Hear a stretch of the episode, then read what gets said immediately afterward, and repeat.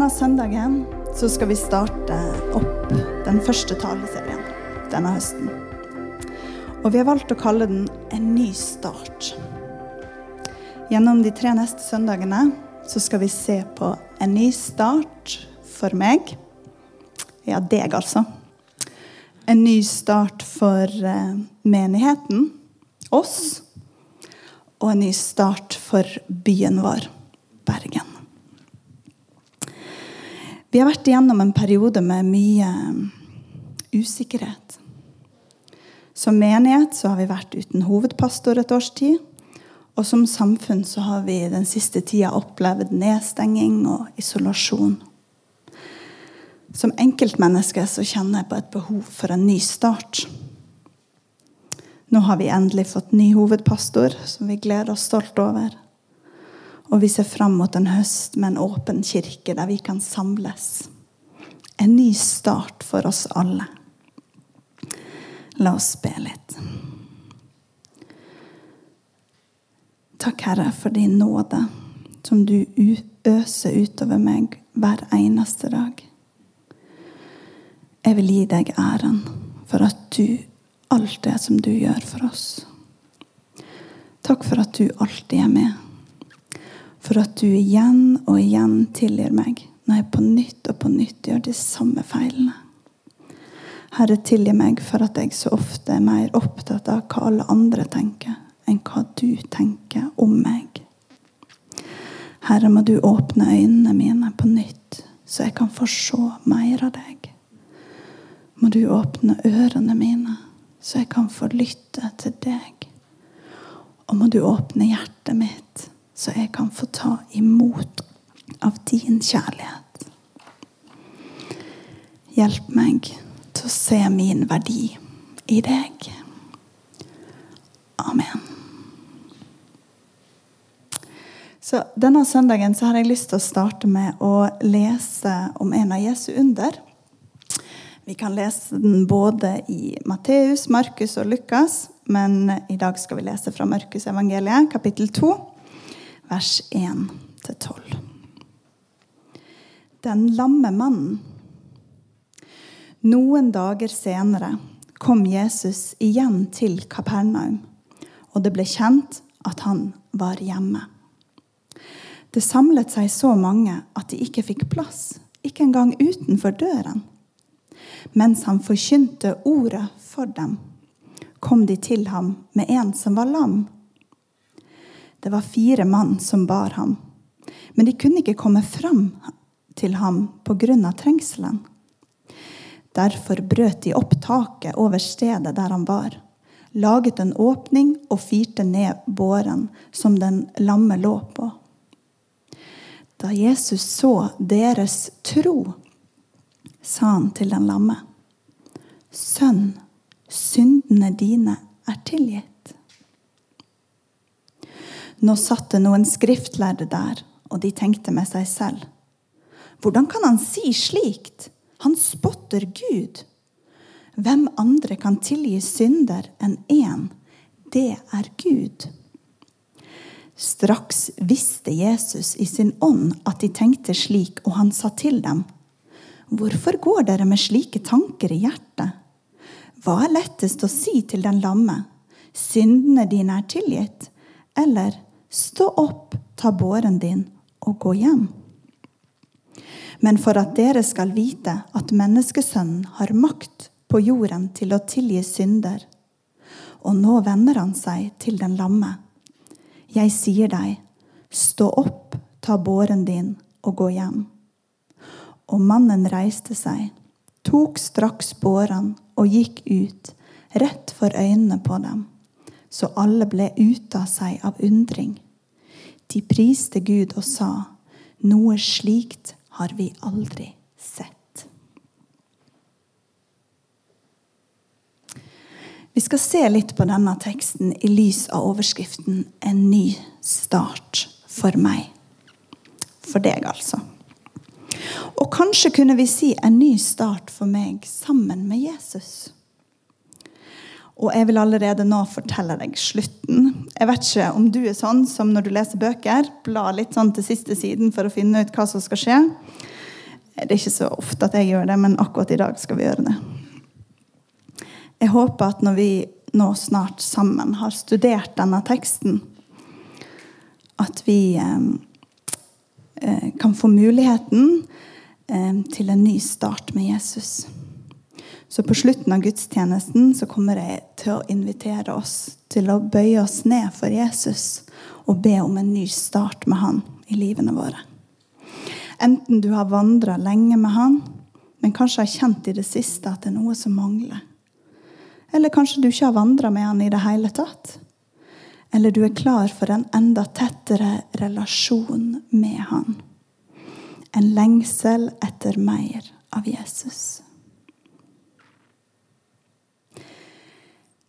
En av de første tingene som jeg legger merke til i denne teksten, det er at Jesus han snakker om ordet. Det står 'Han forkynte ordet for dem'. Jeg har lyst til å starte med å snakke litt om Bibelen. Jeg må si jeg er ikke spesielt glad i nyttårsforsett. Jeg tror kanskje grunnen til det er at jeg forbinder det så veldig nært med å mislykkes. Um, det kan jo være f.eks. noe som jeg ikke er helt fornøyd med i livet, og så skal jeg liksom ha et forsett. Nå skal jeg begynne på nytt. Media vil kanskje ha meg til å tenke at jeg må spise sunnere eller trene mer eller se meg perfekt ut. Sikkert fine ting i seg sjøl, men ikke så sunt for meg hvis det påvirker mitt selvbilde. Hvis jeg gjør det for at andre skal tenke bedre om meg. Slik har mitt forhold til Bibelen også vært. Jeg har kanskje hørt en tale om at det er viktig å lese i Bibelen. Et forsøk på å motivere til å lese mer. Og så har det ofte endt opp med dårlig samvittighet over at jeg ikke får lest det som jeg føler at jeg bør. Eller så blir det bare kanskje en oppgave som jeg må gjennomføre, og så aner jeg ikke hva jeg har lest når jeg er ferdig. Jeg har hatt noen sånne bibelforsett med litt ulik suksess. Noen år har jeg kanskje fulgt en bibelleseplan, men ikke alltid har det fungert like bra. Mange av gangene så har jeg kjent på en lengsel etter å lese i Bibelen. Men så har på en måte utfordringa mi vært at jeg vet ikke helt hvor jeg skal begynne. Et behov for et opplegg som kan fortelle meg 'start der', les det. I tillegg så opplever jeg at livet mitt har veldig mange forskjellige faser. Og det går ganske fort. Så i løpet av et år så er det litt forskjellige faser av livet. Du har sommerferie, og så er det høsten, og så Ja, du skjønner sikkert. Og så kan jeg kjenne på at når jeg kommer til en ny fase, så må også dette her med tid til Jesus Det må jeg òg prioritere. Ellers så kan det forsvinne. Og da kan jeg òg kjenne på et behov for en ny start. Jeg har lyst til å dele litt av det som jeg har opplevd det siste året med det å lese i Bibelen og ha litt stille tid sammen med Jesus. Nå er ikke dette noe quick fix for eh, bibellesing, hvis du kjenner på noen av de samme utfordringene. Men kanskje kan dette være en oppmuntring til deg òg. I um, i fjor høst så starta jeg og cellegruppen min på et um, studieopplegg som handla om nettopp det. Å ha stille tid sammen med Jesus. Og Opplegget er som følger at man leser en lesjon som tar opp ulike tema eh, mellom hver gruppe. Og så har vi eh, fire til sju stilletider mellom gruppene, som vi da deler i gruppa etterpå. Eh, og i den eh, lesingen så er det et forslag til et stykke fra Bibelen som vi leser. Eh, og så skal vi skrive ned noe om hva som er budskapet i den teksten. Og så plukker vi ut et favorittvers. Det kan være ett vers eller to vers. Og så studerer vi det litt nærmere. Det første vi gjør da, det er å, eh, å stille noen spørsmål til det eh, verset? Um, er det et bud som jeg skal følge her? Er det et løfte fra Jesus? Kan jeg lære noe nytt om Jesus her? Og så, når jeg har svart på de spørsmålene, så er det også litt tid til å spørre Jesus hva vil du lære meg i denne teksten i dag? Videre så slår jeg opp noen av de ordene i teksten som kanskje er litt vanskelig. Kanskje har jeg hørt de mange ganger før, men jeg kan kanskje slå de opp i en bibelordbok. Kanskje finner jeg andre steder i Bibelen der det ordet er brukt. Og så jobber jeg litt med teksten for å på en måte få det til å synke litt inn og lære litt mer av den teksten. Og så skriver vi teksten med egne ord. Og Da er det jo litt viktig at ikke vi ikke endrer meninga, men kanskje er det en formulering på hva den teksten har sagt til meg i dag. Til slutt så svarer jeg på noen spørsmål. Hvordan har dette verset påvirka livet mitt? Og hvorfor er det viktig for meg? Til slutt så skriver jeg en bønn til Jesus. Dette er én måte å lese Bibelen på. Etter å ha holdt på med dette i et år, så kjenner jeg at jeg har fått et nærmere forhold til Bibelen. Og så er det jo sånn at jeg fortsatt kjenner på et behov for å på en måte se sammenhengene. sant? Jeg tror det er viktig at vi ikke bare leser enkeltversene, men òg ser sammenhengene. Um, men det som jeg har kjent på, det er den lengselen. Hva skal jeg lese neste gang? Hva er det neste som Gud vil vise meg? Og da er det ikke sånn Nå skal jeg gjøre dette, for det har jeg satt av tid til. Men nå er det Jeg gleder meg. For det er noe som Jesus vil vise meg i dag. Og så er det jo ikke alltid sånn, da. Sant? Fordi når du går hjem herifra i dag, så vil jeg ikke at du skal sitte med sånn dårlig samvittighet hvis du kjenner på at den bibellesevanen som du har nå, ikke er den beste. Kanskje har du en forlatt tid med Jesus i hverdagen din. I koronatida så kjente jeg at rytmen ble ganske annerledes enn det det var før. Da hadde vi jo begynt med dette opplegget, holdt på en stund. Jeg hadde liksom funnet rytmen, og så kom korona, og hele familien skulle være hjemme. Og når skulle jeg finne denne tida? Og så begynte ungene på skolen igjen, og da ble det liksom litt lettere. fordi da var jo jeg fortsatt hjemme, og de var på skolen. Perfekt. Og så kom sommerferien, og vi var på hytta, og det gikk jo fint. Men så var det så mye som skjedde, og så på en måte, sant? Fasene de endra seg hele veien. Og så kommer vi hjem igjen fra ferie, og så må man på ny på en måte skape den gode rytmen. Og når den er etablert, så er min bønn for deg at du skal få kjenne på den lengselen etter mer av Jesus.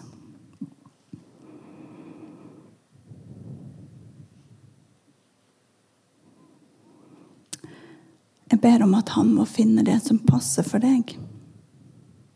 Del gjerne i cellegruppa di denne uka om hvilke vaner du har med Jesus. Og hjelp og støtt hverandre til å holde på det som er godt, og å skape nytt der man kjenner på lengselen for det. Og la Jesus få åpne ordet for oss, sånn som han forkynte ordet for de som vi hørte om i teksten. Denne bibelteksten den, den overrasker meg. Jeg vet ikke om du blir overraska, men jeg blir litt overraska. Fordi her er Jesus, han er hjemme i et hus, og det er masse folk, for de vil høre på han, og så kommer det en lam mann, og de kommer jo ikke fram. Men venner de gir ikke opp. De tar han med seg opp på taket, ned gjennom taket til Jesus. Og jeg tenker Alle står der med forventning. Hva vil Jesus gjøre? Skal mannen få bli frisk? Det er i hvert fall det jeg tenker. Og så kommer Jesus, og så overrasker han oss, for han sier Det står Da Jesus så deres tro, sa han, Sønn, syndene dine er tilgitt. Seinere sa han jo også, Stå opp, ta båren din og gå hjem. Men det første Jesus gjør, det er at han ser til hjertet. Dine synder er tilgitt. Da jeg var gravid med nummer to, Theodor, så hadde jeg en del bekkenplager. Og grunnen til det kan være at jeg var født med hofta ut av ledd og har vært operert to ganger da jeg var liten. Og den jula da jeg var høygravid med han, så, hadde, så var vi i Bryne frikirke. Og der var det flere mennesker som hadde hatt ryggplager, og som hadde blitt helbreda ved at føttene deres, som hadde forskjellig lengde, vokste ut og blei like lange. På gudstjenesten den romjula så inviterte de til forbønn. Og min svigermor hun liksom fikk meg opp, da. Kan vi si det sånn. Og der mens jeg satt i stolen og først fikk konstatert at beina mine hadde forskjellig lengde, så ba bønneteamet om at den ene foten måtte vokse ut igjen. Sånn at den kunne bli like lang som den andre. Og mens jeg sitter der, så er det akkurat det som skjer. Jeg kjenner at foten vokser ut og blir like lang som den andre. Kanskje var det noe av det samme som denne lamme mannen kjente på. Da Jesus sier 'stå opp, ta båren din og gå'.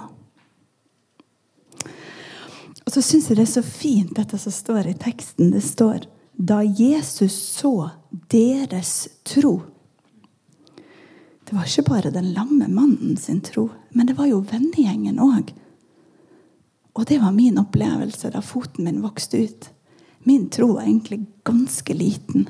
Jeg hadde egentlig ikke så veldig tro på at Jesus ville gjøre noe for meg. Men svigermor hun hadde mye tro. Og de som var i bønnetimen, hadde tro. Tro på at Jesus ville komme og helbrede. Vi tror i fellesskap. Jeg syns det er så flott. Og så er det mange spørsmål som jeg har stilt meg i ettertid av denne opplevelsen. Hvorfor beina mine? Jeg har vært en del plaga med migrene. Jeg syns jo at det har plaga meg mer enn at beina har forskjellig lengde. Eller hvorfor ikke de andre, de som opplever alvorlig sykdom? og kanskje til og med dør. Og så stiller vi mange sånne spørsmål til Jesus, og så er det ikke alltid at jeg føler jeg får så gode svar. Men så har jeg tenkt en del på denne teksten og det som Jesus sier til den lamme. Syndene dine er tilgitt. Det er som om Jesus sier det samme til meg i dag og til deg syndene dine er tilgitt. Og som et tegn på at det er sant, på at jeg kan tilgi synden din, så vokser foten min ut, og så får vi et tegn fra Jesus på at det er sant. Vi er kanskje ofte så opptatt av det ytre, av å ha god helse.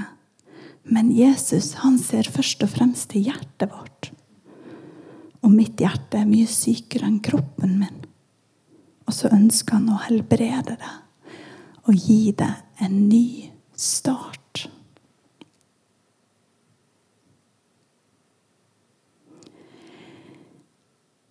I vår så fortsatte en gjeng fra cellegruppen min på bok to i studieopplegget. Denne boka har fokus på indre helbredelse. På det at vi har en del irrasjonelle handlinger som kommer av at vi kanskje har noen sår i hjertene våre. Kanskje en skuffelse vi har møtt. Kanskje noen har gjort noe vondt mot oss, og som er med å påvirke hvordan vi handler videre i hverdagen. Fordi hvis Jesus ikke får lov til å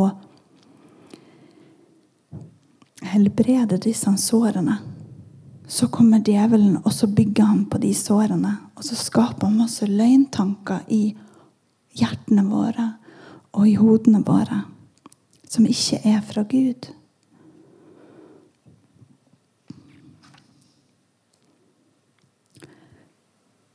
Falske sannheter.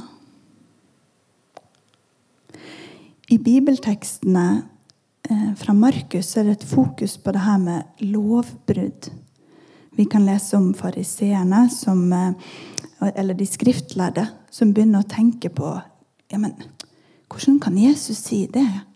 Syndene dine er tilgitt. Det er bare Gud som kan tilgi synd. For oss er jo det et tegn på at Jesus er Guds sønn. Men for de skriftlærde så er jo ikke det åpenbart. De er mer opptatt av å anklage Jesus. Kanskje er han en trussel for dem. Og Jesus, som veit hva de tenker, han spør Hvorfor går dere med slike tanker i hjertet? Går du med noen tanker i hjertet ditt som hindrer deg fra å møte Jesus? Har vi et sett med regler som vi har laga i livene våre eller i kirka vår, som hindrer oss fra å møte Jesus?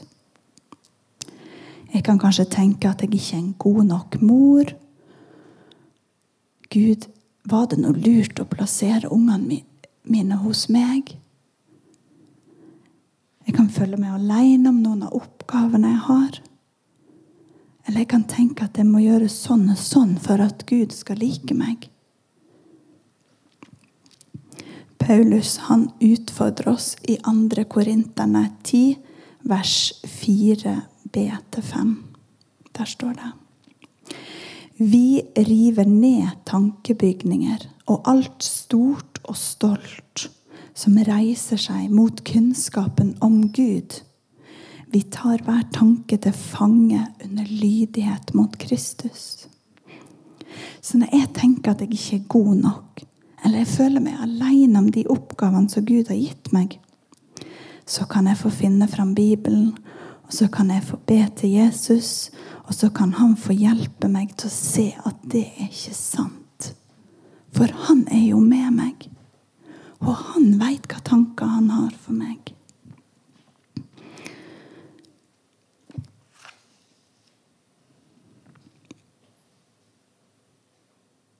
Og så kan jeg få lov å bygge livet mitt på det i stedet.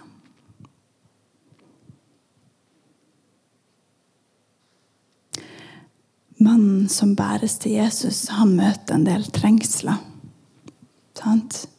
Det er fullt i huset, de kommer ikke fram, og han ligger jo på denne båra. Hvordan skal dette gå? Men vennene de gir ikke opp, og de finner en annen vei. Står folkemengden noen ganger i veien for deg? Kan det være at det er en slags gruppedynamikk noen ganger som hindrer oss fra å komme til Jesus. Kanskje noe de tenker, eller ting som jeg tenker at de tenker. Eller kanskje noe de sier som hindrer oss fra å komme til Jesus. Jeg har noen gang òg lurt på om jeg står i veien for at noen skal få komme til Jesus? Kan det være at vi som kristne hindrer dem som ikke er frelst ennå? Enten ved passivitet eller kanskje jeg ikke er bevisst nok på å bygge ned murer gjennom vennskap, så jeg òg kan få dele troa mi.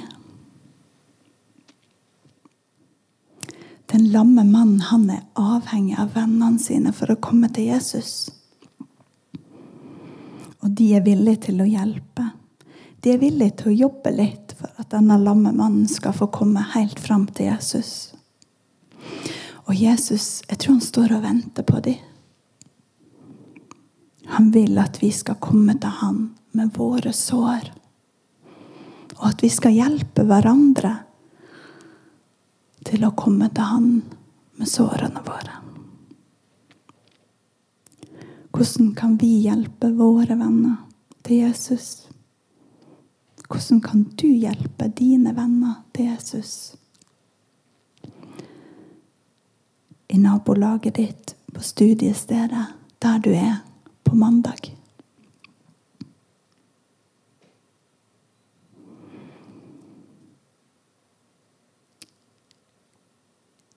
Helt til slutt, etter at de skriftlærde er kritisk sant? De har vært veldig kritisk til Jesus. Her har han sagt at han skal tilgi synd.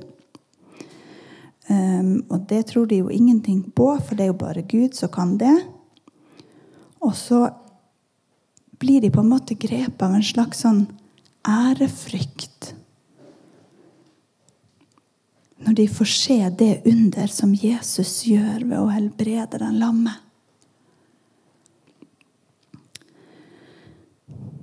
Og så står det de priste Gud, for noe slikt hadde de aldri sett. Og Jeg syns det er så fint, fordi jeg tror at noen ganger med meg sjøl, hvis jeg har vært litt kritisk, så er det ikke alltid så lett å gå til der. sant? De priste Gud. Men jeg tror det er noe Gud gjør med dem. Han har åpenbart seg for dem ved at en lamme mann òg fikk gå. Jesus han ønsker å helbrede oss. Det er ikke vi selv som kan fikse livene våre. Vi må la Jesus få gjøre det. Og når han gjør det, så kan vi få lov til å prise Han for det som Han har gjort. Uten Han kan jeg ikke gjøre så mye, men med Han kan jeg gjøre mye.